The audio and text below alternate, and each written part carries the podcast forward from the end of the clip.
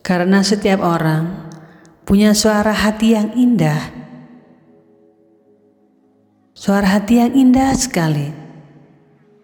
Suara hati untuk kebaikan, untuk perdamaian, juga untuk persatuan dan persahabatan.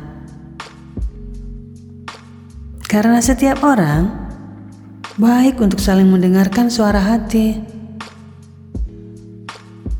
Karena suara hati selalu bicara apa adanya.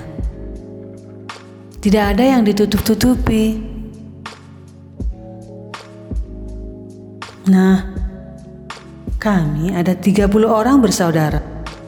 Tergabung dalam GPEMS yang punya perjalanan hidup, karir, percintaan, persahabatan, yang unik-unik sekali.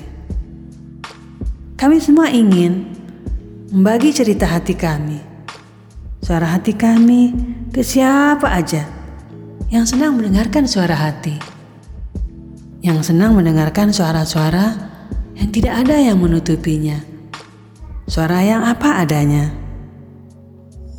suara yang menyejukkan, suara penuh cinta, penuh kejujuran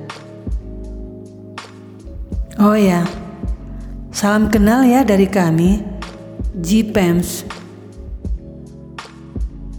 Kalau ada izin Allah Subhanahu wa Ta'ala, Sang Maha Pencipta, kita akan terus bersama dalam suara hati kami, suara hati kita.